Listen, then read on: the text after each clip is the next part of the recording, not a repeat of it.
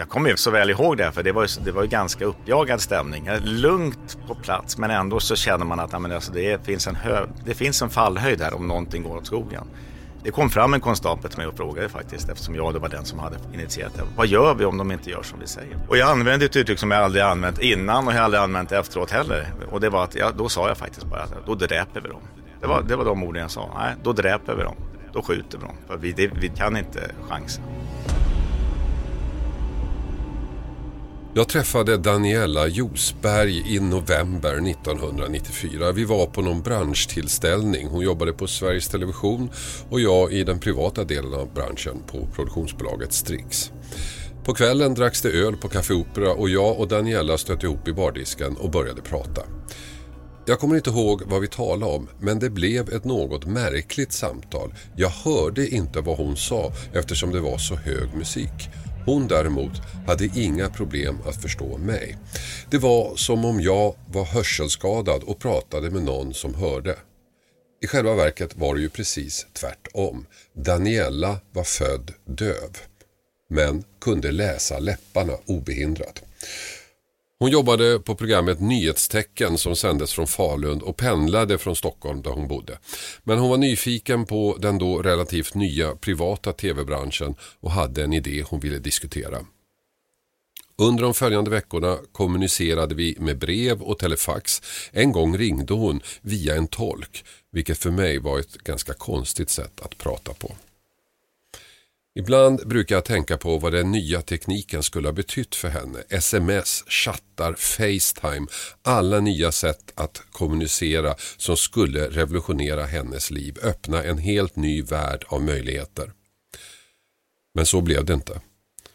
Sista gången jag hörde ifrån henne var fredagen den 2 december 1994. Hon skulle till Stockholm i veckan och ville gärna ha ett möte. Efter det hörde jag ingenting. Fyra dagar senare läser jag i tidningen att en fjärde person dött av sina skador från Stureplansattacken den helgen. En person som var döv och därför inte hört skotten som avlossades. Den personen var Daniela. Hon blev 22 år gammal. För mig blev det förstås en chock. En verklighet jag bara rapporterat om tidigare, skildrat från avstånd, blev plötsligt en del av min egen verklighet. Det har gått 25 år sedan och jag har ärligt talat glömt mycket av det som hände efter skjutningen. I min föreställningsvärld var det en ganska omfattande utredning som efter en dryg vecka ledde till att de två huvudmisstänkta greps. När jag nu går tillbaka och läser på så ser jag att det var inte alls så. Det var nästan ingen utredning överhuvudtaget. Det blev mera en ren jakt från början. En jakt som påbörjades av en borttappad lapp. En jakt som avslutades med hjälp av en gangster. Som vi alla kommer ihåg började allt med ett bråk utanför nattklubben Sturekompaniet på lördag kväll den 3 december. Två personer vägras inträde och börjar bråka med krogvakten. Det blir ganska hotfullt och polisen kallas till platsen. När patrullen anländer lugnar allt ner sig. Polismannen Lars Bröms gör en anteckning med namnet på de två som bråkat. Tommy Cetreus och Guillermo Marquez Jara. Eftersom allt lugnar ner sig låter polisen de två unga männen gå från platsen. Lappen med namnen ger Lars Bröms till en kollega och där skulle allt kunna ta slut. Men det gjorde det inte. Cetreus och Marquejara är inte klara. De i alla fall Cetreus vill hämnas, vill återupprätta sin förolämpade heder. De tar kontakt med två bröder som kör dem till ett förråd i en Stockholmsförort där det finns vapen. De tar med sig en automatkarbin och kör tillbaka till stan, parkerar vid Humlegården och en väntar i bilen medan de tre andra börjar gå mot Sturecompagniet. Marquejara med vapnet i hand. Alla vet vad som ska hända. Dörrvakten ska dö. Ingen försöker stoppa någon. Framme vid ingången ger Marquejara vapnet till Cetrius som utan att tveka börjar skjuta. Tre dör omedelbart, vakten och två restauranggäster. En får livshotande skador, Daniela. Killarna går tillbaka och försvinner i bilen. Man hörde en smäll. Då fattade ingen riktigt vad det var och sen så hörde man ett smatter. Det var ett automatvapen, det var ja, någon k-pist liknande sak. Vägspärrar har upprättats runt hela Stockholm, både i innerstan och vid in- och utfarterna. Stockholmspolisen har kallat in all extra personal i jakten på vad man just nu vet, en eller minst tre gärningsmän. Utredningen blir inte särskilt komplicerad som sagt. Vakterna på Sturekompaniet ser ju att det är killarna som blev portade tidigare som sköt och polisen har ju deras namn. Eller? Polismannen Lars Bröms kommer inte ihåg vilka namnen var han skrev på lappen men det är ju inga problem. Han tar kontakt med kollegan som fick den av honom.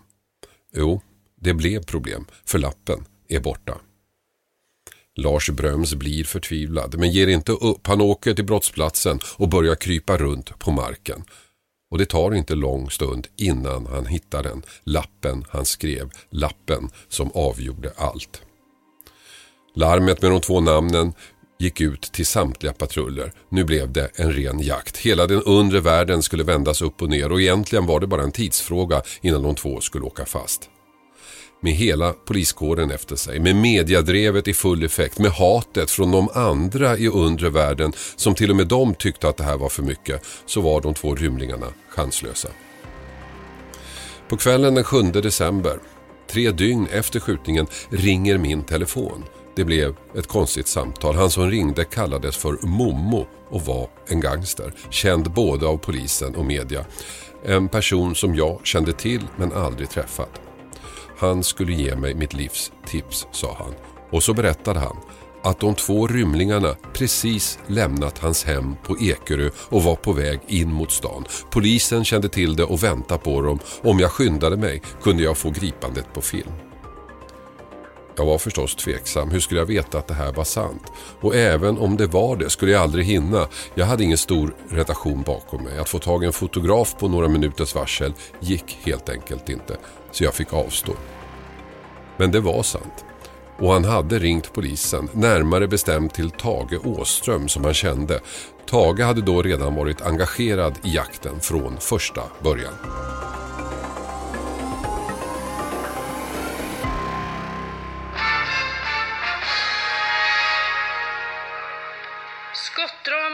I Stockholm. Minst tre döda, ett femtontal skadade. God morgon, här är Rapport med en extrasändning. Ett skottdrama inträffade alltså vid femtiden i morse utanför restaurang Sturekompaniet vid Stureplan mitt i centrala Stockholm. Enligt de senaste uppgifterna har tre personer dödats.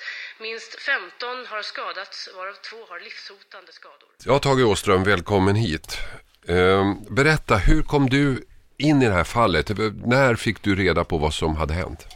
Ja, jag fick ju reda på det redan samma, samma natt som det inträffade. Så mm. blev vi uppringd och det blev nog ganska många personer eftersom jag jobbade på en spaningsrotel. Så vi fick ju order ganska omgående. Jag vill påstå alla spaningsrotlar i Stockholm att ut och vända upp och ner på, på allt som går att vända upp och ner på. Och leta mm. under varenda sten för, för att hitta de här personerna. Eller för att helt enkelt vara runt deras kontaktnät och få dem att tycka att det är jobbigt. Så de mm. berättar vad de är. Mm. För då, när du fick beskedet, då visste ni vem ni jagade?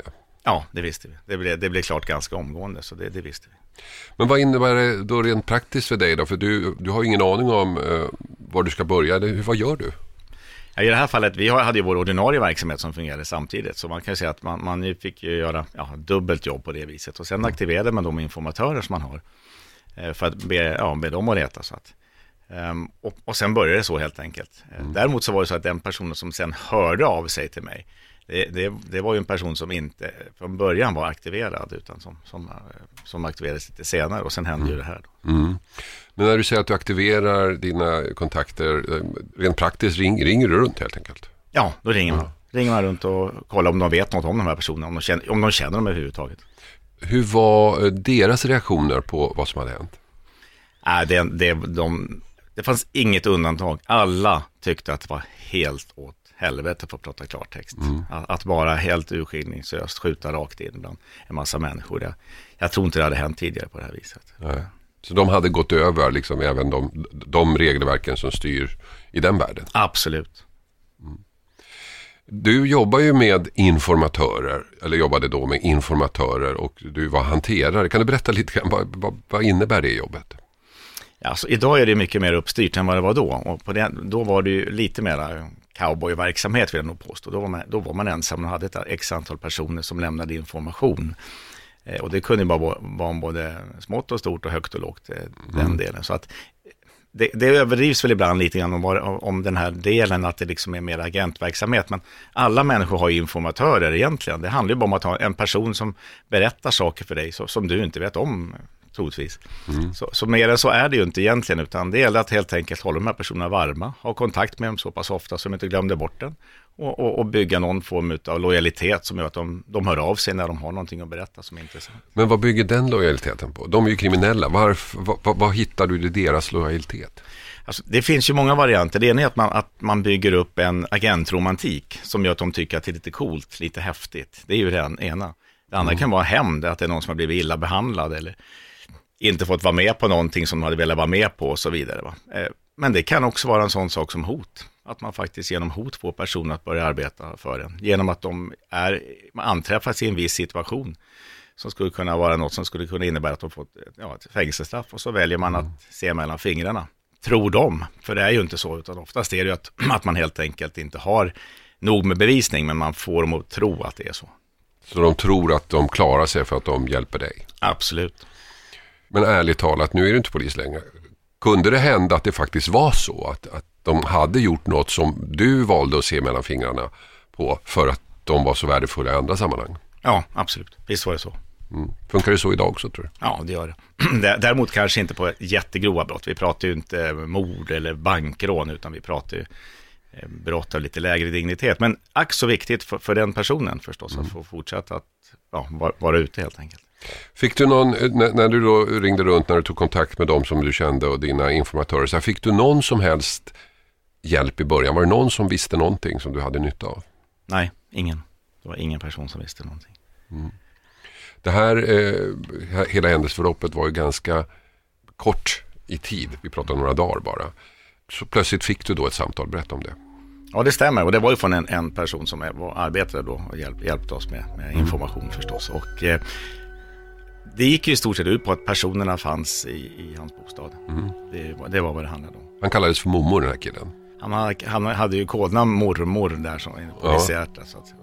ja, det stämmer. Och eh, jag måste ju faktiskt säga att först trodde jag nog att nej, men det, det här kanske är någonting att är du säker på det här? För, för, att det är ingen självklarhet när en person ringer upp och säger det heller, liksom att, att det är så. Men, men eftersom jag kände personen sedan ett tag tillbaka så kände jag nog att ja, jag får ändå gå på det. Mm.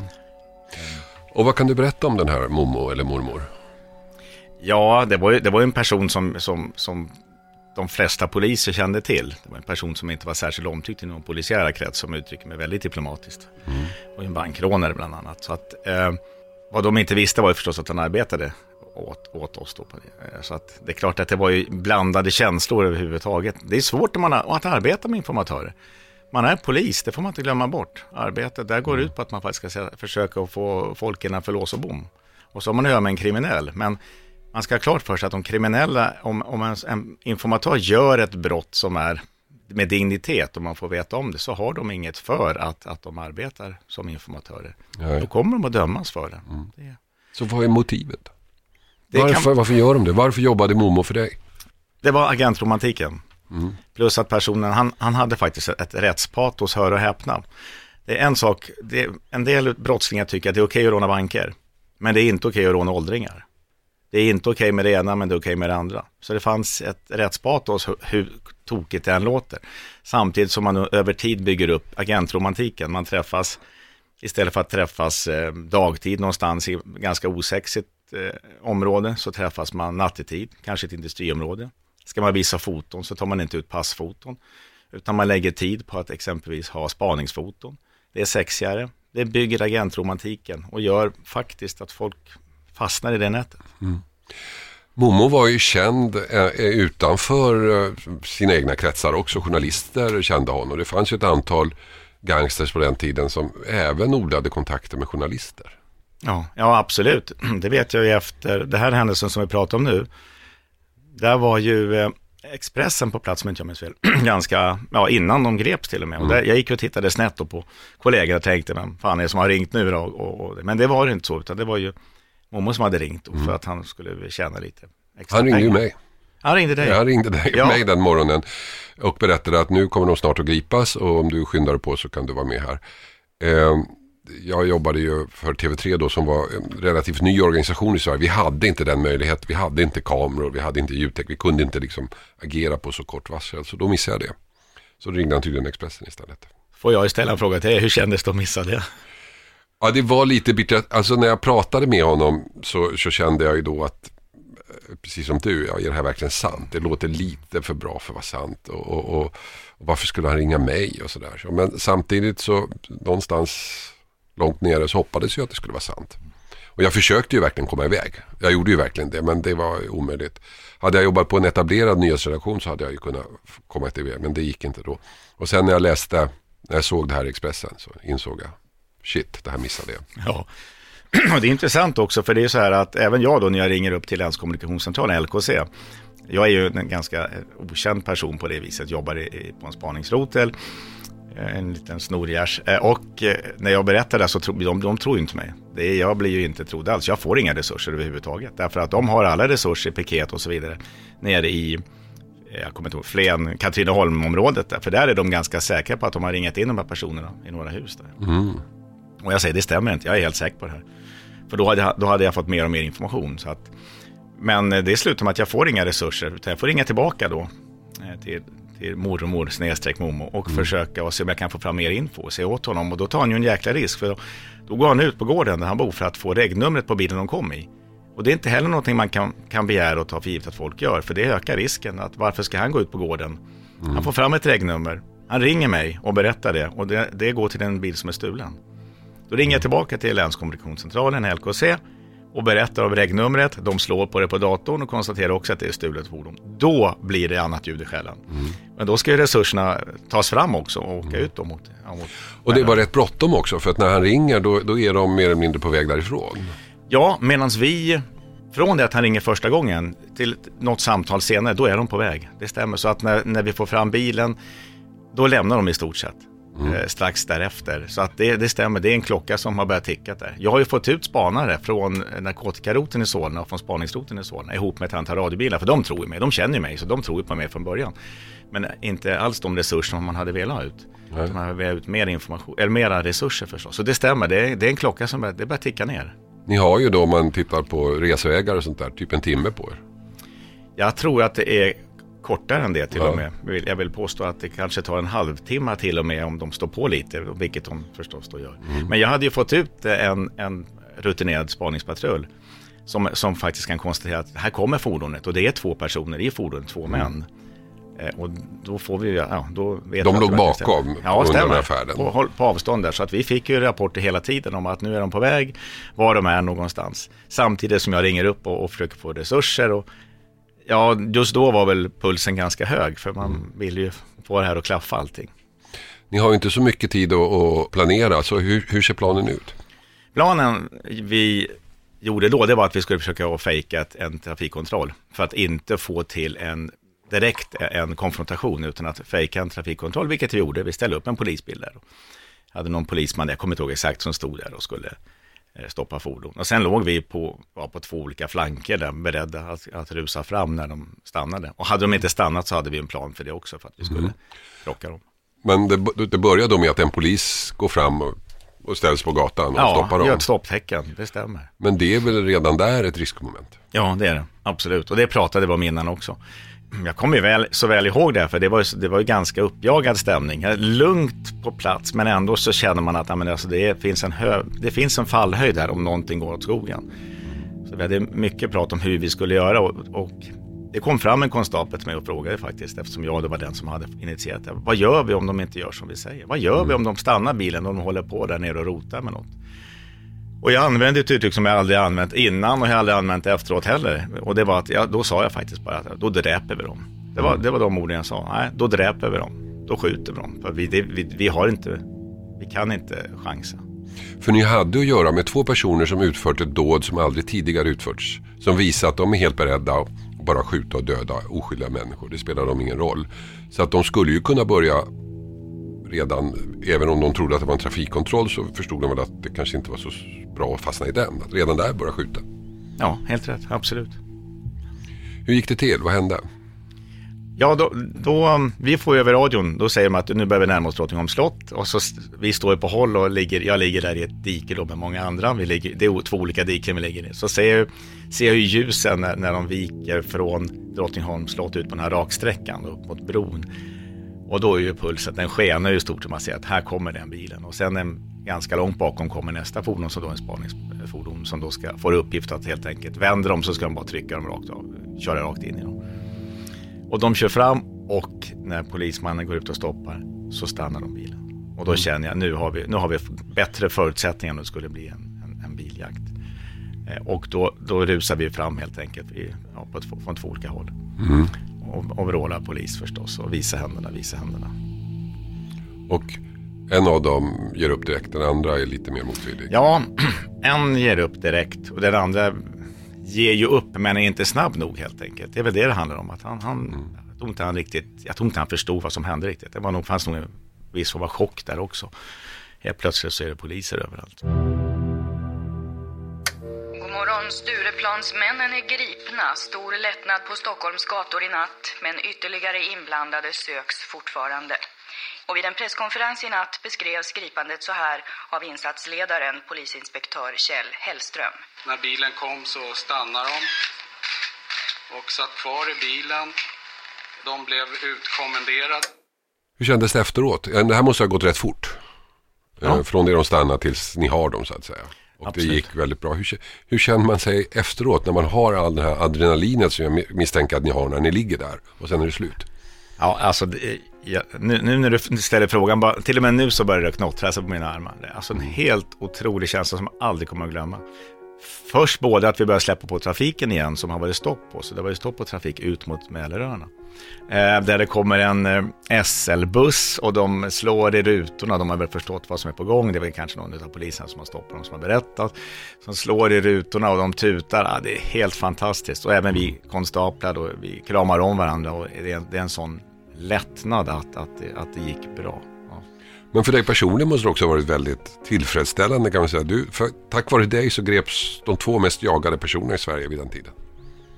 Ja, så var det ju egentligen. Men, men man tänkte nog inte så. Vet du. Man, man, det blir som en lag, ja, det är en laggrej allt det här, mm. både med radiobilen och med spaningspersonal och allting. Så min känsla var nog bara då, vad nice att vi har gjort det. Sen, sen, blev det ju mer efteråt, för då ville man ju även att här, de andra skulle få ta åt sig äran, inte bara mm. spaningsroten eller poli, Solna polisdistrikt. Så det blev lite schackrande efteråt inför en presskonferens då, där de ville att vi skulle gå med på att några andra hade varit med också. Mm. Där var jag lite så småsur och sa det, det är ju vi i Solna som har gjort det Låter lite som polisen i stort. Jo, men det är nog lite så. Eh, men vad sa Momo då? Ja, han blev ju gripen. Förstås, mm. skyddande av brottsling. Och eh, jag kommer inte ihåg exakt hur det gick med allting där, men eh, även hans fru och han är barn och allting. Så det mm. blev ju en ganska stor påverkan på familjen där. Mm. För, att, för att skydda honom också. Men att han blev gripen då för skyddande av brottsling, det var, det var eh, det var en del av spelet då kan man säga. Ja, det måste man göra. Skulle han inte blivit gripen skulle ju folk undrat varför inte han blev gripen. Precis.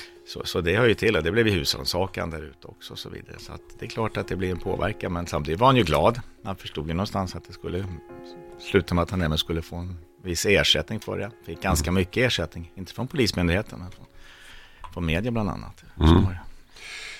Varför åkte de hem till honom tror du? Det var nog för att ha, hitta en grön kvart helt enkelt. Det är lite grann, det är nära Stockholm men ändå en bit ut det är ju lantligt på det viset. Det är en gård, den ligger för sig själv. Det är inte så många människor som kan se dem när de går in och ut och så vidare. Så jag tror att, att det handlade mycket om läget snarare än, personen eh, Momo där. Utan det var nog snarare att det var ett bra läge. Men de måste ju någonstans ha litat på honom. Absolut, jag vill påstå att de måste nog lita på den personen så mycket man bara kan lita på någon om man efter ett sånt här dåd när man är efterlyst och finns i varenda tidning och åker ut till honom. Har du funderat på vad hade de för plan? Hade de någon plan? De kunde ju inte vara på rymmen i evigheters evigheter. Men det här är ganska typiskt folk som, som gör brott, eh, som är ganska, som är grova och som oftast är ett, kanske inte så planerade, i det här fallet är det förstås inte så, de har inte planerat det här från början, utan det, det uppstår en situation och sen så, så brinner det till i huvudet på dem när de åker och hämtar vapen. Så är det ju inte, det finns ju ingen plan där, utan sen måste de försöka helt enkelt hitta en plan under vägen och det är inte så jäkla lätt. Det är väldigt få de här kriminella som vill ta emot personer som de vet finns på varenda jäkla löpsedel. Så att jag kan inte svara på vad planen är, men jag kan tänka mig att det mest realistiska det är ju att ta sig utomlands. Försöka samla ihop pengar om de inte har, bankrån och så vidare. Och sen ta sig utomlands och hålla sig undan. Mm. Tror du att folk i den kriminella världen misstänkte att det var Momo som hade, som hade sett till att de åkte fast? Ja, det tror jag. Um, jag baserar väl ändå det någonstans på, på den tragiska, det tragiska efterspelet sedan ett mm. x antal år senare när, när mm. han blir mördad, ihjälskjuten framför, framför sin familj. På, mm. på, samma plats där de här personerna fanns. Jag säger inte att de var inblandade, absolut inte. Men det kan ju ändå ha spelat in. Det kan ju vara andra personer som blir, blir upprörda över det också. Så att jag, mm. det berätta, berätta om den händelsen. Den är också väldigt, väldigt speciell därför att det är ju, jag blev uppringd på min första semesterdag. Det här är ett x antal år senare blev jag uppringd på min första semesterdag. Jag känner inte igen numret. Muttrande så väljer jag inte att svara. Tänkte jag kan ju få vara lite ledig. Eh, och då är det ett eh, Momo som har ringt mig på från, jag tror att det är från hans frus mobiltelefon för att han vill ha hjälp. Han har sett en, en maskerad man ute i skogsbrynet i närheten av, av huset. Ringer mig för att få hjälp. Jag svarar inte. 11 minuter ungefär tror jag senare, då är han ihjälskjuten framför mm. fru och barn. Du måste ha funderat mycket på vad det var som låg bakom den attacken.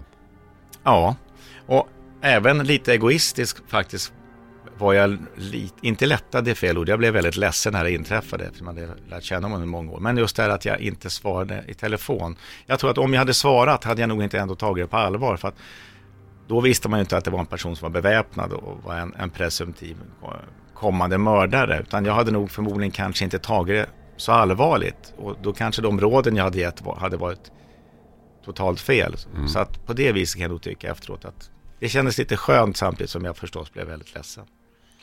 Tror du att det fanns något samband mellan den här händelsen? Han var väl kanske, jag menar, han hade väl andra fiender också kan jag tänka mig. Ja, det, det hade han. Det, det, är nog svårt. Det, det är ju olöst mordet. Det är ju och som du säger, det fanns ju andra. I den där världen finns det ganska många fiender. Det var inte bara Cetreus och Markechara som greps rätt fort. Även de två bröderna åkte fast. I början nekade förstås alla till allt men så småningom började bröderna prata och pekade ut Cetreus som den som sköt. Och till sist erkände han själv. När han drar ner jackan, då står den här. Och då tittar jag, vad fan är det där? Och då ser jag att de ser jävligt hotfulla ut över vakterna. Men det är den imagen de har, de ska ju se farliga ut. Och sen är det ju bara meningen att ett skott skulle gå i marken. Men det är all panik, tungt vapen inkorv så fäste med. Då har du kommit åt den här jävla eh, omställningen så att det blir till automat. Tommy Cetreus dömdes till livstidsfängelse. Guillermo Marquez Jara och den äldre brodern fick sex års fängelse för medhjälp till mord och den yngre brodern fick två och ett halvt års fängelse. Tingsrätten fastslår att Tommy Cetreus hade uppsåt att döda den där natten i början av december i fjol när fyra oskyldiga personer föll offer för hans automateld och minst 20 skadades. Tingsrätten dömer Tommy Cetreus till livstidsfängelse för mord. Om du nu tänker tillbaks på det här fallet och den här, den här jakten som, den här, det som ni gjorde och stoppade dem så här. Hur, hur, hur, hur har det här påverkat dig i, i efterhand? In, inte så mycket som man kanske kan tro, utan det blir ju en vardag. Man fortsätter med sitt arbete, i det här fallet på spaningsroten.